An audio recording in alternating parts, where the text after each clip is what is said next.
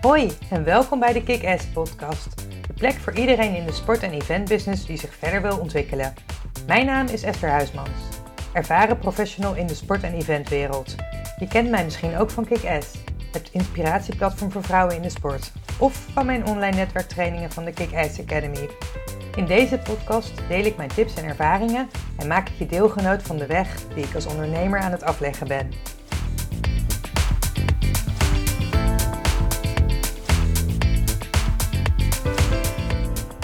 Laat ik eens beginnen met een bekentenis. Ik ben een voormalig perfectionist. Zo, dat is eruit. En dat voelt nu net alsof ik bij de AA zit. De AP in dit geval, de anonieme perfectionisten. Misschien moet ik zeggen AVP, anonieme voormalig perfectionisten. En voor mij is dat niet zo heel vreemd, want ik ben opgegroeid met twee veel eisende ouders. Um, zij zijn allebei universitair geschoold. Dus ja, het was ook een soort van vanzelfsprekend dat ik daar um, dat ik dat ook zou gaan doen. Ik heb een heel goed stel hersenen meegekregen. Ik hoefde eigenlijk nooit heel veel te doen op school.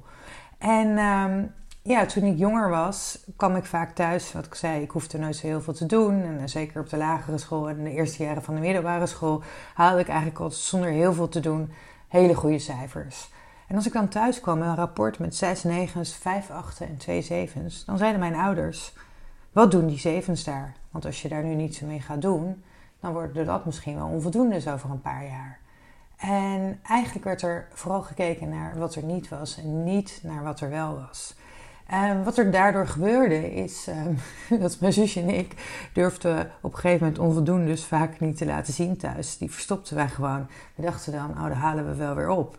Um, en dat lukte meestal ook wel. Maar um, ja, onvoldoendes konden we eigenlijk niet mee thuiskomen. In het schoolsysteem van nu, waar alles in een app staat of zo, zou echt vreselijk zijn geweest voor, mij. En voor mijn zus waarschijnlijk ook. Want uh, dan kan je het niet echt meer verbergen. Um, zo heb ik bijvoorbeeld ooit eens een 2 voor Nederlands gehaald. En ik haalde altijd gewoon goede cijfers, voor, ook voor Nederlands. En, um, uh, maar dat ging over de D'tjes en de T'tjes. Nou, en daar was ik dus, nou of ik was er niet goed in, of het was gewoon niet goed uitgelegd op school. Maar in ieder geval uh, had ik een 2 gehaald. En eigenlijk had de hele klas een zwaar onvoldoende gehaald. Dus toen hebben ze dat proefwerk nog een keer opnieuw gedaan. Nou, en ik ben toen gaan zitten met mijn, ik denk met mijn vader, maar dat weet ik eigenlijk niet eens meer. En zijn we dat helemaal gaan doornemen. Nou ja, en het volgende uh, proefwerk wat daarover ging, of het volgende SO, ik weet niet of het een SO of een proefwerk was, toen haalde ik ineens een 10. En ja, dat was eigenlijk een soort van vanzelfsprekend. Dus dat werd dan ook niet echt heel erg beloond. Maar um, nou ja, ik heb er wel in ieder geval van geleerd dat ik... Ik maak nooit meer, bijna nooit meer fouten met D'tjes en T'tjes. En ik ben er super alert op als ik dat bij anderen zie. Dus ja, dat is dan wat ik daar um, uh, aan, aan heb overgehouden. En ik besef ook dat mijn ouders, die hebben ook gewoon strenge ouders gehad. En die hebben dit ook meegekregen uit huis. Van ja, je wilt gewoon het beste uit jezelf halen. Het altijd het hoogst haalbare halen. En dat hebben ze mij ook willen meegeven. En het grappige is dat ik wel verder uh, veel vrijheid kreeg. Ik was altijd een heel braaf, gehoorzaam meisje. En uh, uh, als ik dan mogelijkheden kreeg om bepaalde dingen te doen, ja, dan beschaamde ik dat vertrouwen ook eigenlijk niet. Zo uh, kwamen we bijvoorbeeld naar hockeyfeestjes. best een aantal keer dat we met een groep vrienden gewoon bij mij thuis in de woonkamer konden afspreken. Want dat was allemaal relaxed. Ik ben op mijn twaalfde naar een concert van Michael Jackson geweest. Samen met mijn nichtje, die ook dat mijn twaalf was. En mijn grote neef van 14 en een vriend van hem die 13 was. En achteraf denk ik, hoe hebben ze me kunnen laten gaan. Als ik nu die, die meisjes van, uh, van 12 zie. Um, mijn neef, zodra we binnenkwamen, die, uh, die gingen met die vriend van hem vandoor. En mijn nichtje en ik stonden daar. En uh, nou ja, ik moet zeggen, ik ben zelfs flauw gevallen tijdens dat concert. Omdat het op een gegeven moment zo druk was en zo benauwd. Dat ik ja, dus echt onderuit gegaan ben. En nou ja, toen hebben we een ander plekje. Want we stonden niet ver genoeg vooraan dat ik over het publiek naar voren werd getild. Toen zijn we iets naar de zijkant gegaan. En, um, en uh, hebben we het concert uh, nou ja, deels kunnen zien. En we werden eigenlijk door allerlei mensen op, uh, werden we gevraagd van... joh, wil je op mijn nek zitten? Want dan kon je wat meekijken. Dus uiteindelijk was het heel bijzonder.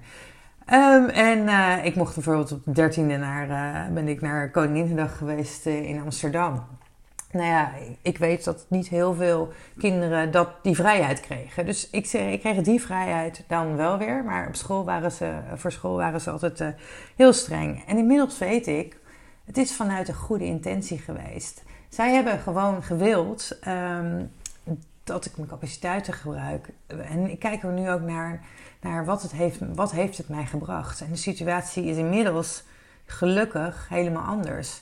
Mijn moeder zegt af en toe ook, wat waren we eigenlijk vreselijk. Zij is zelf, uh, nou ja, het jaartje of 25, 20, 25 geleden is zij ook met persoonlijke ontwikkeling aan de slag gegaan. En heeft ze ook heel veel dingen ontdekt.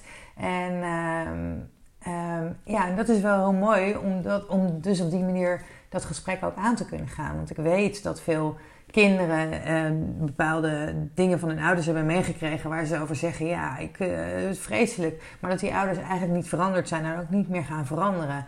En het mooie vind ik daarin dat mijn moeder daar ja, ook zelfreflectie heeft en zegt ook: Ja, met de kennis en de ervaring van nu zou ik het anders hebben aangepakt. Maar ik heb het op dat moment op de goede, um, op een bepaalde manier willen doen, juist omdat je omdat ik het beste uit jou ook wilde halen.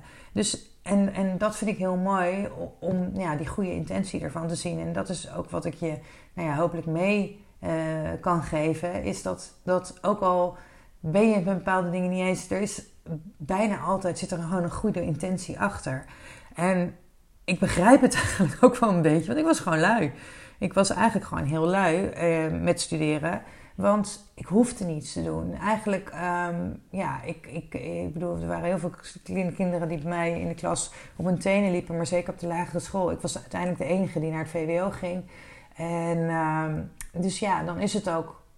Het, het ging me gewoon heel gemakkelijk af. En je werd eigenlijk, ik werd eigenlijk nooit uitgedaagd. Dus ik heb ook nooit leren studeren. En zelfs toen ik naar het VWO ging, of in ieder geval toen ging ik naar het gymnasium, toen dacht ik, nou ja, dan ben ik misschien wel wat meer. Zijn er wel wat meer mensen die, uh, die uh, hetzelfde niveau zitten. Maar ook daar in de eerste jaren was ik ook altijd een van de betere uit de klas. In ieder geval had ik altijd een van de hoogste cijfers. En ik heb um, dus nooit leren studeren. En dat is ook een nadeel. Want um, ik heb bijvoorbeeld een, eh, een, vriendin van mij van de lagere school, die, die eigenlijk in die tijd altijd misschien net zesjes en zevens haalde, of in de op de middelbare school net zesjes en zevens haalde. Toen zij ging studeren, ging ze er als een speer doorheen. Want zij heeft gewoon geleerd hoe ze dit moest doen. En ik heb dat nooit geleerd, want ik haalde toch altijd mijn cijfers wel, uh, mijn hoge cijfers wel. En um, ik ging bijvoorbeeld ook altijd de laatste avond pas eh, een proefwerk leren, omdat ik anders zei, ik ben het alweer vergeten. Nou, op de universiteit kan dat natuurlijk niet. Dus ja, die eerste jaren op de universiteit waren voor mij ook best wel pittig in die zin dat ik gewoon echt aan de bak moest. En uh, ja, dat ging dus me lang niet meer zo makkelijk af. Um, dus ja, dus dat is ook wel weer heel grappig. En als ik nu kijk naar wat ik de afgelopen, nou ja, wat is het, uh, tien jaar heb geleerd, ook over mezelf en over persoonlijke ontwikkeling dan denk ik, dan denk ik helemaal van, oh, wat zonde. Nou, echt een, een zo compleet gemis van ons schoolsysteem. Want er zijn zoveel dingen die zoveel belangrijker zijn dan al die dingen die je op school leert, die ik zo graag had willen leren. En dat het ondernemersvak en alles wat daarbij komt kijken. En ja, ik kom echt uit zo'n universitaire familie. Dus daar, ik, ik, ik ben echt opgegroeid met, ja, als je nou maar gewoon goed je best doet op school en gaat studeren, nou, dan krijg je een mooie baan en, dan kom je, kom je er wel. En ja, wat ik nu allemaal leer en mag leren. Ik zeg ook altijd, ik voel me nog alsof ik in de brugklas zit van het ondernemen. En ook van persoonlijke ontwikkeling. Want ja, elke dag ontdek ik weer dingen aan mezelf. Dat ik denk, ja, ik daag mezelf uit. En het is zo mooi om te zien welke stappen je uh, daarin kunt zetten. En hoe meer ik daarover leer, hoe meer ik besef dat ik nog zo weinig weet. Nou ja, dat is even een, uh, een, een, een side. Um, maar ja, ik ben dus op die manier echt opgevoed. En het kan ook andersom. Uh, want een, uh, een goede vriend van mij zei: Ik zou juist gewild hebben dat mijn ouders me wat meer gepusht hadden. Dus ja, eigenlijk is het ook nooit goed. En um, ja, dus voor mij is het eigenlijk niet heel vreemd dat ik perfectionist was. Ik was in het verleden ook vaak bang om fouten te maken. Zeker de eerste jaren ook met werk. En eigenlijk um, ja, was ik gewoon continu op zoek naar waardering. En dat schouderklopje dat ik het goed had gedaan. En um, ja, dat komt eigenlijk voort uit het um, gevoel van ik ben niet goed genoeg. En dat is een gevoel wat nou ja, bijna iedereen heeft. Dat heb ik wel gemerkt toen ik bijvoorbeeld met mijn NLP aan de slag ging. Um, van ik ben niet goed genoeg. En inmiddels besef ik, ik ben helemaal goed zoals ik ben. Met al mijn flaws, met al mijn, hoe heet het, uh, hoe noem je dat? Uh, de, nou ja, de dingen die, de mindere kanten van mezelf. Het is helemaal goed waar ik ben op dit moment. En, uh, en ik haal de waardering inmiddels ook uit mezelf. Waar ik die in het verleden heel erg haalde uit de goedkeuring en de erkenning van anderen, zoals mijn managers bijvoorbeeld. En ja, daardoor heb ik mezelf vaak over de kop gewerkt om, om mijn werk maar goed te doen, om maar gezien te worden. En uh, ja, daarin uh, heb ik heel veel stappen gemaakt. En wat ik vooral ook nu zie is dat wat, wat ik ook meegekregen heb van thuis, dat heeft me ook heel veel gebracht.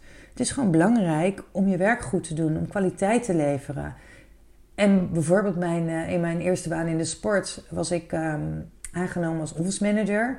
En was eigenlijk een beetje, nou ja, ze zeiden dan beneden. Ik was overgekwalificeerd uh, voor deze functie. Maar ik moest dus um, de, de directie moest ik begeleiden. Althans, ik was uh, de persoonlijke assistent van de directie en daar heb ik zo ontzettend veel van geleerd. En ik moest ook vaak brieven de deur uitsturen naar, um, nou ja, naar allerlei belangrijke instanties, belangrijke partijen. Ja, en daarin is het natuurlijk ook gewoon belangrijk dat er geen spelfouten in staan. Dus daar was het heel fijn dat ik daar, daar, daar gewoon goed in ben. Um, en in um, de eventwereld is het woord, althans een van de eerste dingen die ik daar leerde, is dat ik, ik, ik, weet dat ik een persconferentie moest organiseren. Dat was een van mijn eerste activiteiten die ik uh, op moest nemen. Ik had nog nooit een persconferentie meegemaakt, dus ik had eigenlijk geen idee wat de bedoeling was. Dus ik ben bij wat collega's uh, in, uh, informatie gaan inwinnen. En op een gegeven moment vroeg mijn um, toenmalig manager: Is dit en dit geregeld? En ik zei: Oh, ik ga ervan uit dat. Nou, echt, ik werd afgestraft. Want ervan uitgaan, dat is, was echt verboden taalgebruik. En dat heb ik toen ook geleerd. En zeker, uh, nou, daar heb ik gewoon profijt gehad in de rest van mijn carrière. Um, want zeker in de eventwereld is ervan uitgaan is gewoon verboden. Je check, check, dubbelcheck of iets in, orde is. En je gaat er niet van uit dat iets geregeld is. Dus ja, op die manier is het ook wel weer, um, ook wel weer mooi. Dat heeft me ook weer van alles geleerd. En ik zie ook dat mijn voormalig perfectionisme een van de redenen is dat ik nu sta waar ik sta. En dat ik nu doe uh, wat, ik, uh, wat ik doe. En dat ik zo ontzettend veel mooie projecten heb mogen doen. Omdat ik gewoon wel mijn werk altijd uh, goed heb gedaan. Maar perfectionisme moet geen, geen excuus worden om bijvoorbeeld geen keuze te maken. En bij mezelf merk ik bijvoorbeeld, als ik ga lopen dralen, want ik wil iets uh, perfect doen of ik moet een beslissing nemen, um, dan uh, kan het zijn dat ik het te lang voor me uitschuif. Of dat je zegt, oh, ik uh, wil dat doen, maar het is nog niet perfect genoeg. Bijvoorbeeld met een website lanceren of iets dergelijks. En vaak is dat een excuus om in actie te komen. En op een gegeven moment is het zo van, nou, ga het maar gewoon doen. ga maar het gewoon neerzetten en je kan vanuit daar verbeteren. Um, beslissing hetzelfde. Je doet het op basis van de informatie die je op dit moment hebt. En de perfecte beslissing bestaat eigenlijk alleen maar als je achterom kijkt. En daar krijg je alleen maar pijn in je nek van. Maar ja, eigenlijk is dat een ander onderwerp en daar heb ik al eerder een podcast over opgenomen. Dus als je wilt, hoe, wilt weten hoe ik beter ben geworden in het uh, maken van keuzes, uh, luister dan vooral even naar de podcast Keuzes maken. En hoe doe ik dit nu dan? Mijn nieuwe motto is: Done is better than perfect. Deze podcast ook. Ik, um, um, ik neem hem nu in één keer op, in één take. Want ik vind dat ik dat voor deze podcast, voor dit onderwerp ook uh, moet doen. Maar daar zal ik zo meteen uh, nog iets meer over zeggen. Um, want vaak zijn we 80% van de tijd bezig met 20% van de werkzaamheden. Met allerlei detail, gedetailleerd geneuzel. En dat is zo ontzettend zonde. En wat je hierbij in gedachten kunt houden, is dat jouw 100% is sowieso nooit een anders 100%. Um, ehm, voor een beginner ben jij al ontzettend veel stappen verder. Voor een gevorderde die zal kijken van, nou, dat is, um, nee, die, die zal je aanmoedigen, maar die zal op een andere manier ernaar kijken. En um, als je er op die manier naar kijkt, dan maakt het voor jezelf een stuk makkelijker. In het verleden, um, in de eventwereld, nou nog steeds werk ik af en toe in de eventwereld, um, maar met toernooien zeker, dan kon je het nooit 100% goed doen.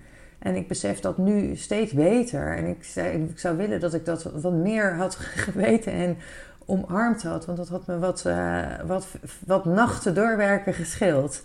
Um, maar het grappige is dat we bij toernooien de mensen waarmee we werken, dus bijvoorbeeld de vrijwilligers, altijd brieven, zeker zo'n eerste wedstrijddag, dat er zullen fouten gemaakt worden. En dat is helemaal oké. In ieder geval, dat wil je natuurlijk zoveel mogelijk voorkomen. Maar we weten dat dat het geval is. En we houden er al rekening mee. Ehm, vaak is het een nieuw stadion, um, het zijn nieuwe mensen.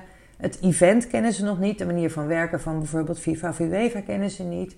En eh, daardoor gaan er dingen anders dan dat je dat op papier uitgetekend hebt. En dat is nou eenmaal het geval. Ik heb um, in 2007, in 2008 heb ik een jaar in Zwitserland gezeten voor het, uh, voor het EK uh, mannenvoetbal. Um, voor Euro 2008. En daar was een van mijn taken um, het venue reporting systeem opzetten, optuigen. En eigenlijk tijdens het toernooi uh, ervoor zorgen dat um, alle informatie verzameld werd op één plek. Um, we moesten daar een heel rapportagesysteem voor opzetten, zodat iedereen op de venues, dus in de stadions, kon aangeven wat er, um, wat er niet goed was gegaan en wat er verbeterd kon worden. Welke informatie we konden meegeven aan andere uh, stadions, zodat dat verbeterd kon worden. Nou, en sowieso.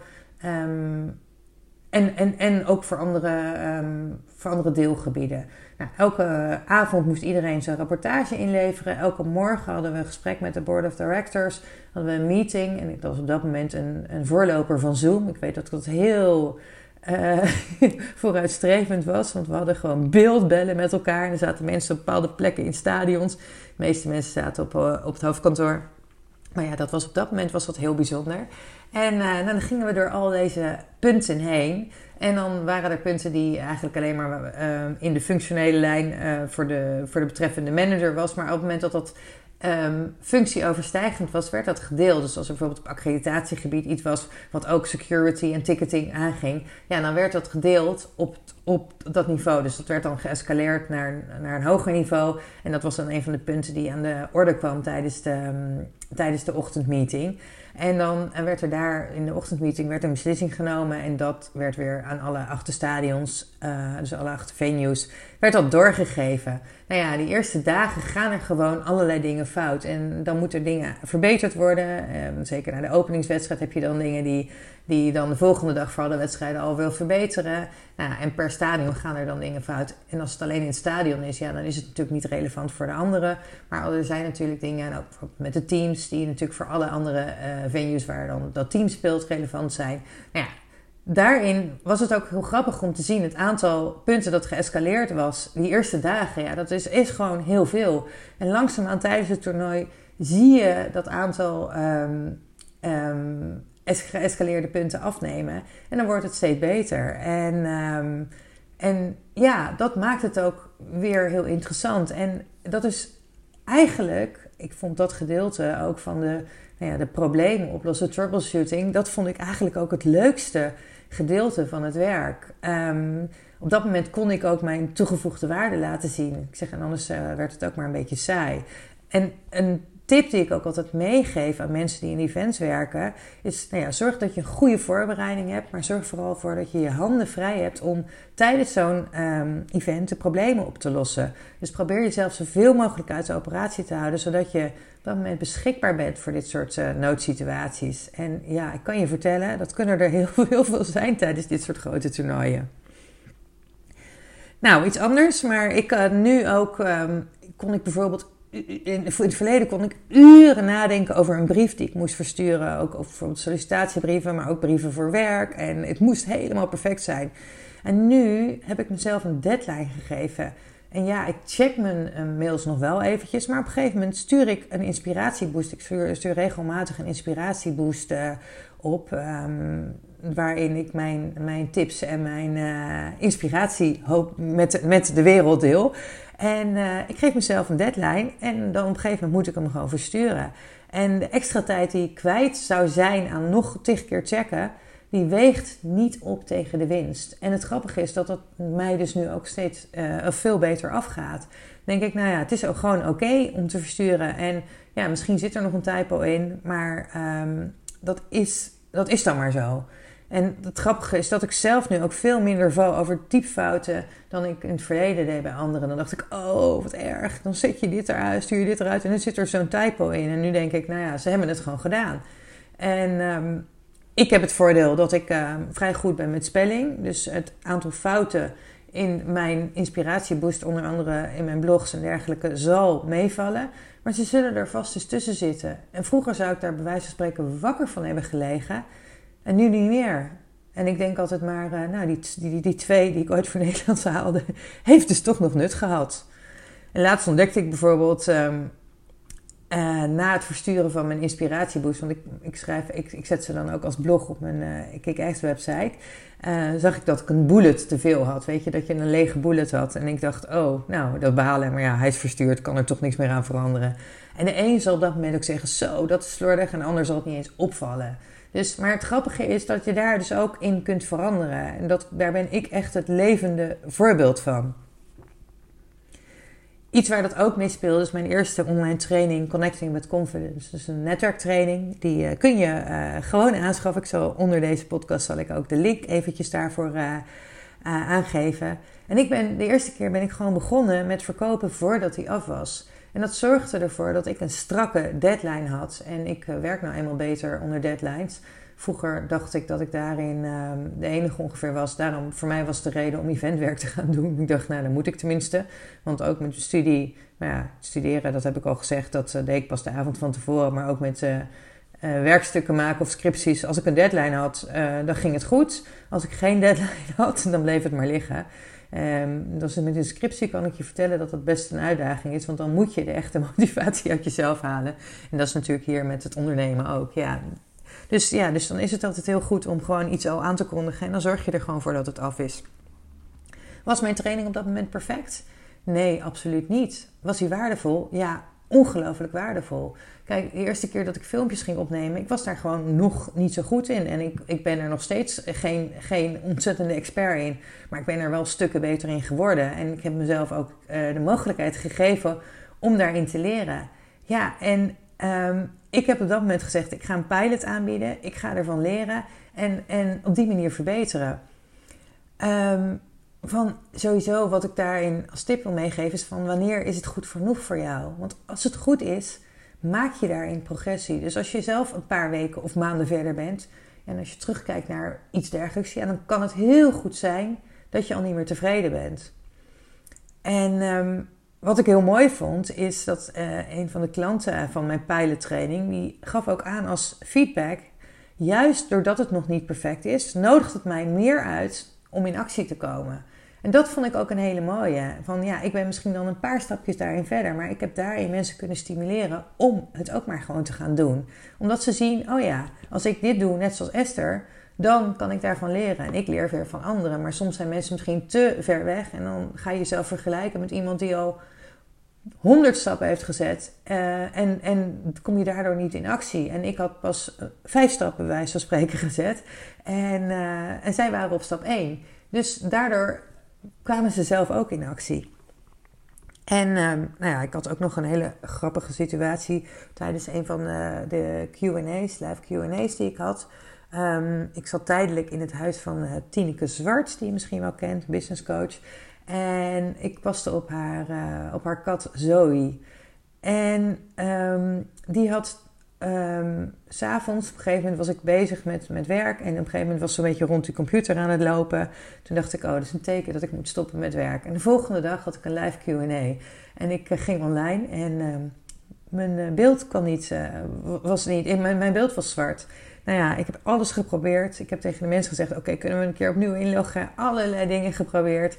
En op een gegeven moment zei ik, nou ja, ik ga maar gewoon, ik ga maar gewoon starten. En dan zien jullie mij maar niet. Ik kan jullie wel zien. Ik vind het heel erg, maar het is, het is niet anders. Um, ik ben nog steeds van waarde als je me alleen maar hoort. Um, en we gaan maar gewoon starten. Nou, dat hebben we gedaan. En het was gewoon echt een prima Q&A. Ja, en ja, vroeger zou ik er echt, echt heel erg, zou ik er dagen mee blijven rondlopen. En nu dacht ik, ja, nou ja, het kan gebeuren. En uiteindelijk is het ook nog een grappig verhaal. Want ik, um, na afloop ging, had ik natuurlijk de tijd om even rustig te kijken. Oké, wat is er nou aan de hand? En toen kwam ik erachter dat er een knopje was. En volgens mij is het de als ik nu kijk, is het de F8-knop. Ehm, die dus blijkbaar ingedrukt was, waardoor ehm, mijn beeld, mijn, mijn camera uit was gezet. En toen kwam ik ineens, moest ik ineens heel erg lachen. Want toen dacht ik, oh, Zoe heeft gisteren op mijn toetsenbord gelopen. En die heeft dus waarschijnlijk op die F8-knop F8-knop uh, gestaan. En die heeft dus onbewust mijn, mijn, mijn Q&A gesaboteerd. Ja, en achteraf is dat natuurlijk ook alleen maar een heel grappig verhaal. Dus, um, nou ja, wat ik al zei, daarin had ik vroeger had ik daar echt van nou ja, wakker gelegen of, of had ik echt vreselijk gevonden. Maar ja, de mensen zelf, ja, die moesten ook alleen maar om lachen toen ze, toen ze dat verhaal allemaal uh, hoorden. Nou ja, en ook met de podcast. Ehm, ik ben hiermee gestart en ik heb ehm, gewoon gezegd: ik ga ervan leren. En ik gun mezelf ook die leercurve. Ik gun mezelf de mogelijkheid om, uh, om fouten te maken. En ehm, nou, wat ik net al zei, terwijl je het maakt, kan het zijn dat je al niet meer tevreden daarover bent. Maar dat is ook groei. en, en, dan kun je dus balen van: oh shit, dat is niet meer niet goed genoeg. Of kun je zien als: wauw, wat ben ik. Uh, wat ben ik gegroeid inmiddels. En mijn eerste podcast bijvoorbeeld, die ehm, gaat over ehm, tips voor mensen die in de sport willen werken, omdat ik daar zoveel vragen altijd over krijg. Dacht ik, nou, dan ga ik, um, ik heb het op een gegeven moment in een blog uitgeschreven. Toen dacht ik, ik ga daar een podcast over opnemen. En toen heb ik echt helemaal uitgeschreven wat ik wilde zeggen. Want ik dacht, ja, ik weet niet of ik uh, dat kan praten. Dus eigenlijk is die eerste podcast meer een luisterboek geworden.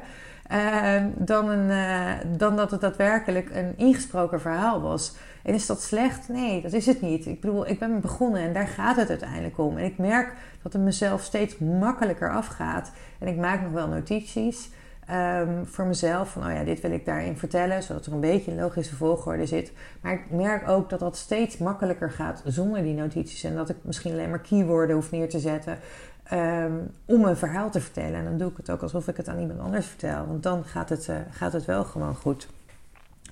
En uh, nou, ik zei net al van, je kunt eens terugkijken naar, wauw, wat ben ik gegroeid. En zo kijk ik dus bijvoorbeeld terug naar mijn eerste stories waar, waar ik in beeld was. Toen ik een keer, voor de eerste keer live ging op Instagram, vond ik dat doodeng. En toen dacht ik, uh, ja, allerlei belemmerende overtuigingen. Nou, daar kan ik ook een hele podcast over opnemen. Zal ik wel misschien een keertje doen binnenkort. Maar inmiddels vind ik het heel normaal om te doen. En het is veel natuurlijker geworden daardoor. En dat is gewoon gekomen door het te doen en door mezelf dus die groeicurve te gunnen. En, ehm, en het grappige is dat vaak een ander ziet helemaal niet dat je het zo spannend vindt. Want ik zag op de, afgelopen periode best wel wat mensen die dan ook online gingen. En die vonden het doodeng. En ik vind dan dat ze heel natuurlijk overkomen. Dus het is vaak dat je zelf van alles aan, je, aan jezelf ziet. Maar dat het voor een ander is het ook, komt het niet over zoals het voor jou overkomt. En dat hoor je ook vaak bij mensen die aan het presenteren zijn. Dat ze denken, oh, het is hartstikke... Oh, ik was hartstikke zenuwachtig, ik was aan het trillen. Maar vaak zie je dat helemaal niet in het publiek. En al is het zo, ehm, dan is het ook niet erg. En wat, wat daarin ook handig is, is om het bewijs van spreken te benoemen. Op het moment dat jij op een podium staat en je zegt... Nou, ik vind het nog wat spannend. Dan kan je ook die spanning eraf, eraf, eraf halen.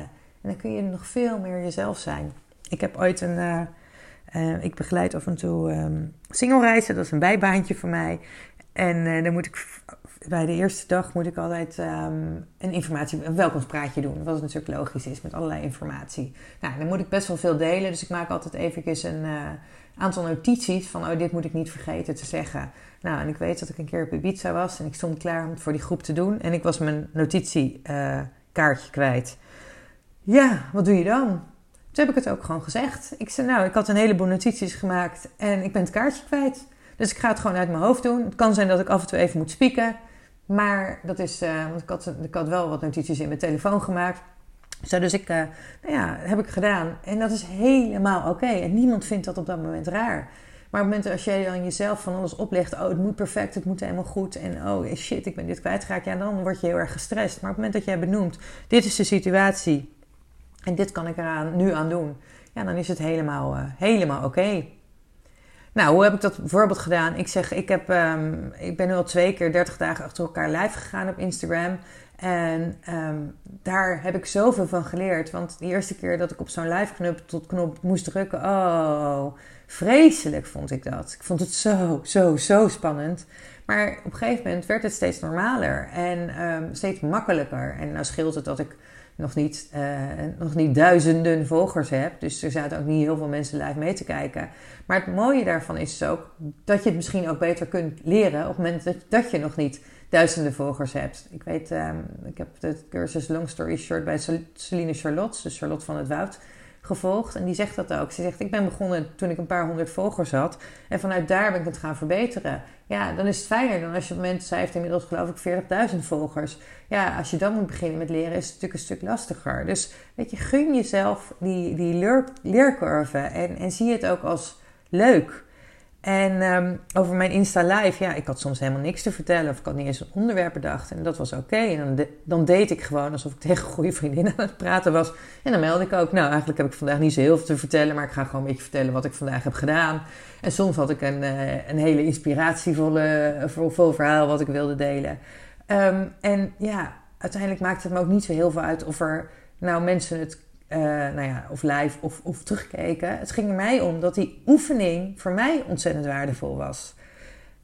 En dan moet ik het daarbij ook nog zeggen: ik vind live gaan eigenlijk veel makkelijker dan bijvoorbeeld een uh, filmpje opnemen voor een van mijn trainingen.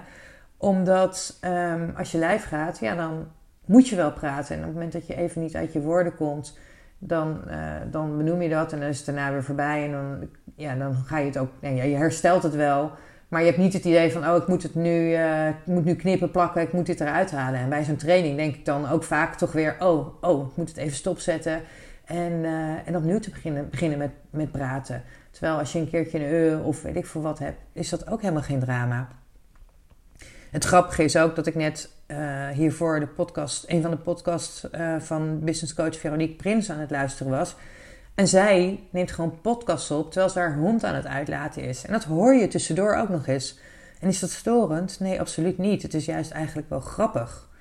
En um, zelf heb ik bijvoorbeeld voor deze um, podcast wel een intro en een outro, omdat ik het leuk vind. En ik, ik ben vrij handig met computers, dus het scheelt me een paar minuten tijd om dat te doen. Maar ik hoor ook van heel veel mensen dat ze gewoon een podcast opnemen uh, via Anchor, dat is een uh, app daarvoor. En dat doen ze dan inderdaad als ze onderweg zijn. Of zoals inderdaad Veronique, terwijl ze de hond aan het uitlaten is. Ze kunnen hem uploaden en hij staat online. En, en dan zeggen anderen ook vaak, nou ja, die intro die uh, skip ik toch vaak. Dus wat is daar de toegevoegde waarde van? En dat is iets wat, je, um, wat ik je daarin wil meegeven. Want vaak op het moment dat jij de um, eisen voor jezelf te hoog legt, dan kom je niet in actie. En dat is dus wat ik net benoemde voor zo'n podcast. Op het moment dat jij inderdaad alleen maar iets hoeft in te spreken en je, je uploadt hem en hij staat online, is natuurlijk veel minder stappen dan als je zegt: Oh, ik moet een intro en ik moet een outro en uh, de tekst moet perfect zijn en alle us moet eruit, moeten eruit. Nou, ik heb de eerste podcast die ik um, liet maken, wat ik al net zei, was mijn luisterboek. En heb ik op een gegeven moment alle us en, uh, uh, en alle stiltes er bijvoorbeeld uit uh, laten halen. Nou moet ik zeggen, de allereerste die ik opnam, uh, toen was ik zo snel aan het praten dat ik dat niet, uh, dat ik dat niet fijn vond. Ik vond het zelf niet eens fijn om terug te luisteren. Terwijl ik, um, ik weet dat ik in een hoog tempo praat en dat past ook bij mij. Nou kan je gelukkig bij heel veel podcasts kan je het op het tempo wat jij prettig vindt, kan jij het afluisteren. En ik luister zelf vaak ook podcasts in 1.2 of anderhalf, omdat ik het vaak te langzaam vind gaan. Dus, maar je kan het ook andersom. Je kan het, als je het te snel vindt gaan, kan je het ook op 0.8 zetten. Dus daarin merk ik, nou ja, daarin omarm ik mezelf ook steeds meer. En dat er dan e's en a's tussen zitten, is ook oké. Ik weet dat Veronique Prins ooit eens zei daarover van... Uh, ja, op het moment dat ik alle us en outs eruit haal... en ze komen in een training bij mij en ze horen die wel... dan denken ze ook alleen maar, nou, dat is teleurstellend. dat vond ik ook wel mooi. Want dat hoort er ook gewoon bij. En dat is helemaal oké. En het grappige is, door het meer te oefenen, ga je er ook meer op letten. Word je er meer bewust van. En wordt het ook elke keer weer wat beter. En uh, nou ja, dat is um, wat ik dus ook als tip wil meegeven. gun het jezelf om fouten te maken. Gun jezelf die leercurve. En je zult zien hoe leuk dat ook is. Dat je dan terugkijkt op een gegeven moment. Dat je denkt, oeh, dat was nog niet uh, zoals ik het uh, voor ogen heb. Maar ik heb het wel gewoon gedaan. En kijk waar ik nu sta. En hoe leuk is dat? En um, wat ook daar zeker in helpt, en dat benoemde ik net al, is geef jezelf een deadline. Op het moment dat je echt iets wil en, um, en je weet dat je bijvoorbeeld uh, niet zo snel in actie komt of je laat je perfectionisme in de weg zetten, zitten, kondig iets aan. Kondig iets publiekelijk aan, zodat het een wijze van spreken afgang is als je het niet doet. Uh, of zorg ervoor dat mensen op je uh, zitten te wachten. Um, want dan kom je meer in actie en dan zul je ervoor zorgen dat het op een gegeven moment af, ja, wat is dan af, maar af goed genoeg is. Daar ga je gewoon voor zorgen op het moment dat jij die deadline hebt. En wat ik ook um, daarin ook zeker wil meegeven is dat ook al is mijn podcast of mijn training of mijn presentatie in mijn ogen nu nog niet perfect. Ja, wat is perfect überhaupt? Maar het is waardevol. En omdat ik weet dat ik uh, misschien juist alleen maar, misschien juist omdat ik weet dat ik de waarde lever. Um, nee, nou, nu, nu, nu kom ik zelf even niet bij mijn woorden. Maar wat ik daarover wilde zeggen is niet alleen omdat ik weet dat ik de waarde lever, maar juist omdat hij nog niet perfect is. En dan kom ik juist op het laatste stukje van deze podcast, kom ik even niet uit mijn woorden. Maar ik ga het gewoon laten staan. Ik ga hier nu niet in knippen, want ik wilde dit in één take doen. Om te laten zien dat juist als het niet perfect is, dat ik, nou ja, ik hoop je daarmee ook aan te moedigen om zelf in actie te komen. En um, nou ja, een beetje van het perfectionisme, wat jou misschien nog in de weg zit, los te laten. En bedenk dan hoe storend je het vond dat ik dat net verkeerd zei. Is dat nou heel erg storend? Ja, als dat zo is voor jou, ja, dan, dan is het misschien iets waar je je nog aan, uh, aan vasthoudt. Maar als het niet zo is, bedenk dan eens waar je daar zelf stappen in kunt zetten. Nou, dat was het weer voor vandaag.